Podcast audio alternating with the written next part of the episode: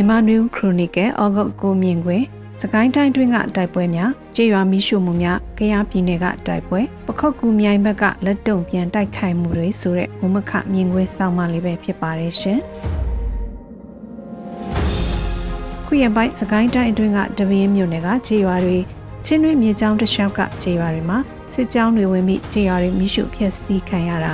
ကြေးရွာသားတွေ ရက်သားတွေတဲကဆွဆွဲတက်ပြက်တာနေအိမ်မိရှုတဲ့အခါမှာအချို့သောနာမကျန်းသူအသက်အရွယ်ကြီးသူတွေပါမိလောက်အသက်ဆုံးရှုံးရတာတွေဖြစ်ပျက်နေတဲ့သတင်းတွေဖတ်ရှုနေရပါတယ်။ချင်းတွင်းမြေကြောင်းတစ်လျှောက်မှာစစ်ကောင်စီရဲ့ရေချောင်းကတဆင့်တည်ယူတဲ့ရေခါလက်နက်ခဲယမ်းလိုမျိုးကိုကြားပြတ်တိုက်ခိုက်ကြတာကိုစစ်ကောင်စီဘက်ကလက်တုံပြန်ပြီးရေချောင်းတစ်လျှောက်ကကြေးရွာတွေကိုစစ်ကြောင်းထိုးဖျက်ဆီးတာတွေလှုံ့ဆော်နေတဲ့သတင်းတွေလည်းကြားသိနေရပါတယ်။ဖျက်ဆီးမခံရသေးတဲ့ကြေးရွာတွေကလည်း မိရှုခံရမှာကိုစိုးရိမ်နေကြရတယ်လို့မိရှုခံရပြီးတဲ့ကြေးရွာတွေမှာနေထိုင်သူတွေလည်းစိတ်အေးလက်အေးမနေနိုင်ကြပါဘူး။ကြေးရွာမှာပြန်တဲထုတ်နေကြပေမဲ့စစ်ကောင်စီတပ်တွေရဲ့သတင်းကိုအမြင်နားဆွင့်နေကြရတယ်လို့ဖုန်းလိုင်းတွေဖြတ်တောက်ထားတာကြောင့်လည်းတခါတည်းမှာသတင်းချေတွေကိုချက်ချင်းမရကြပဲအနီးအနားရောက်မှသိကြတာမျိုးလည်းရှိတယ်လို့ကျို့ကြေးရွာတွေကိုလေချောင်းကရဟတ်ရင်သုံးပြီးစစ်တပ်တွေဝင်လာတာမျိုးတွေအထိရှိနေတာကြောင့်လည်းထွက်ပြေးဖို့အချိန်မရတဲ့အဖြစ်မျိုးတွေလည်းရှိကြတယ်လို့ ဖြစ်ပျက်တွေသတင်းတွေမေးမြန်းမှုတွေအရ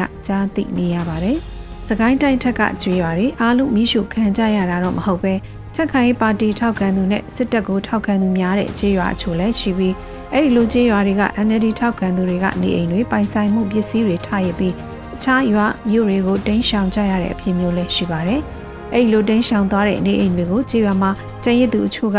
မိမိတို့နေအိမ်သက်ဖွဲ့တက်ရောက်နေထိုင်နေကြတဲ့အဖြစ်မျိုးလည်းဖြစ်ပွားနေတယ်လို့ဒေသခံတယောက်ကပြောပါတယ်။ စစ်တပ်ထောက်ကန်တဲ့ခြေရွာလူဦးရေကမများပေမဲ့လည်းဒေသလိုက်ရှိနေကြတာလည်းဖြစ်ပါတယ်။ခုရပိုင်းပခုတ်ကူမြိုင်ဘက်ကခြေရွာတရွာမှာ PDF ကဝင်ပြီးပြစ်ခတ်ခဲ့လို့ခြေရွာကစစ်တပ်ထောက်ကန်သူတွေဆယ်ကနန်းနီးပါးသေဆုံးပြီးဆယ်ကနန်းနဲ့ချီတန်းရရခဲ့ကြတဲ့အဖြစ်ပြန်လဲသတင်းတွေထဲဖတ်ရှုရပါတယ်။တိုင်းပြည်နှချမ်းကွဲတာတော့မဟုတ်ပေမဲ့မြို့သားရေးပေါ်အခြေခံပြီးစစ်တပ်ထောက်ခံသူ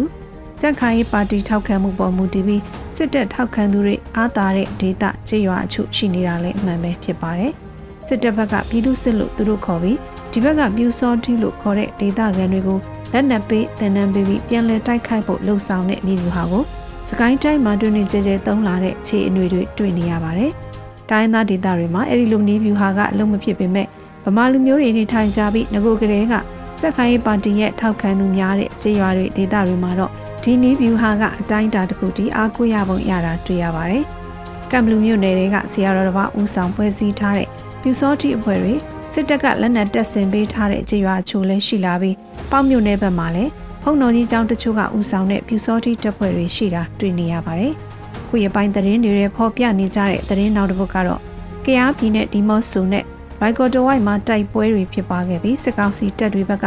လေကြောင်းပစ်ကူနဲ့ပါတိုက်ခိုက်မှုတွေလုပ်ခဲ့ပြီးစစ်တပ်ထောက်ခံတဲ့ Telegram Channel တွေမှာတော့ KNDF လို့ဒေသခံပြည်သူကာကွယ်ရေးတပ်ဖွဲ့တွေသေဆုံးနေဆိုတဲ့သတင်းတွေဖော်ပြနေကြတာကိုတွေ့ရပါတယ်။ KNDF အဖွဲ့ကဒေသခံတွေမိမိတို့နေအိမ်တွေမှာပြန်နေထိုင်ဖို့မလုံခြုံသေးတဲ့အကြောင်းစစ်ကောင်စီတပ်တွေစခန်းချတာရှိတဲ့ကြေးရွာရက်ကွက်တင်မှာရောနှောပြီးမနေထိုင်မှုခုရပိုင်းတွင်တတိပေးချက်ထုတ်ပြန်ထားတာလည်းတွေ့ရပါတယ်။တခြားသတင်းတစ်ပုဒ်ကတော့ပခုတ်ကူမြို့နယ်မြိုင်မြို့နယ်ထဲမှာရှိတဲ့ တွင်းမကြီးရွာမှာပြူစောတိတင်နန်းပေးဖို့ပြင်ဆင်နေတဲ့ဆိုတဲ့သတင်းအရ PDF အဖွဲ့တွေကနနက်6နိုင်ကျော်မှဝင်ရောက်တိုက်ခိုက်ခဲ့တဲ့သတင်းဖြစ်ပါတယ်။ PDF တွေထုတ်ပြန်တဲ့သတင်းမှာတော့34ဦးသေဆုံးတယ်လို့ဖော်ပြထားပြီးစစ်ကောင်စီဘက်ကတော့12ဦးသေဆုံးပြီး19ဦးဒဏ်ရာရတယ်လို့ဖော်ပြထားတာဖြစ်ပါတယ်။စစ်ကောင်စီထောက်ခံတဲ့ကြေးရွာချို့မှအခြေဆိုင်ပြီးပြည်သူစစ်လို့စစ်ကောင်စီကခေါ်တဲ့ပြူစောတိတပ်ဖွဲ့တွေဖွဲ့ဖို့လှုံ့ဆော်နေကြတဲ့ကြေးရွာကို PDF တွေဝင်ရောက်တိုက်ခိုက်ခဲ့တာပဲဖြစ်ပါတယ်ရှင်။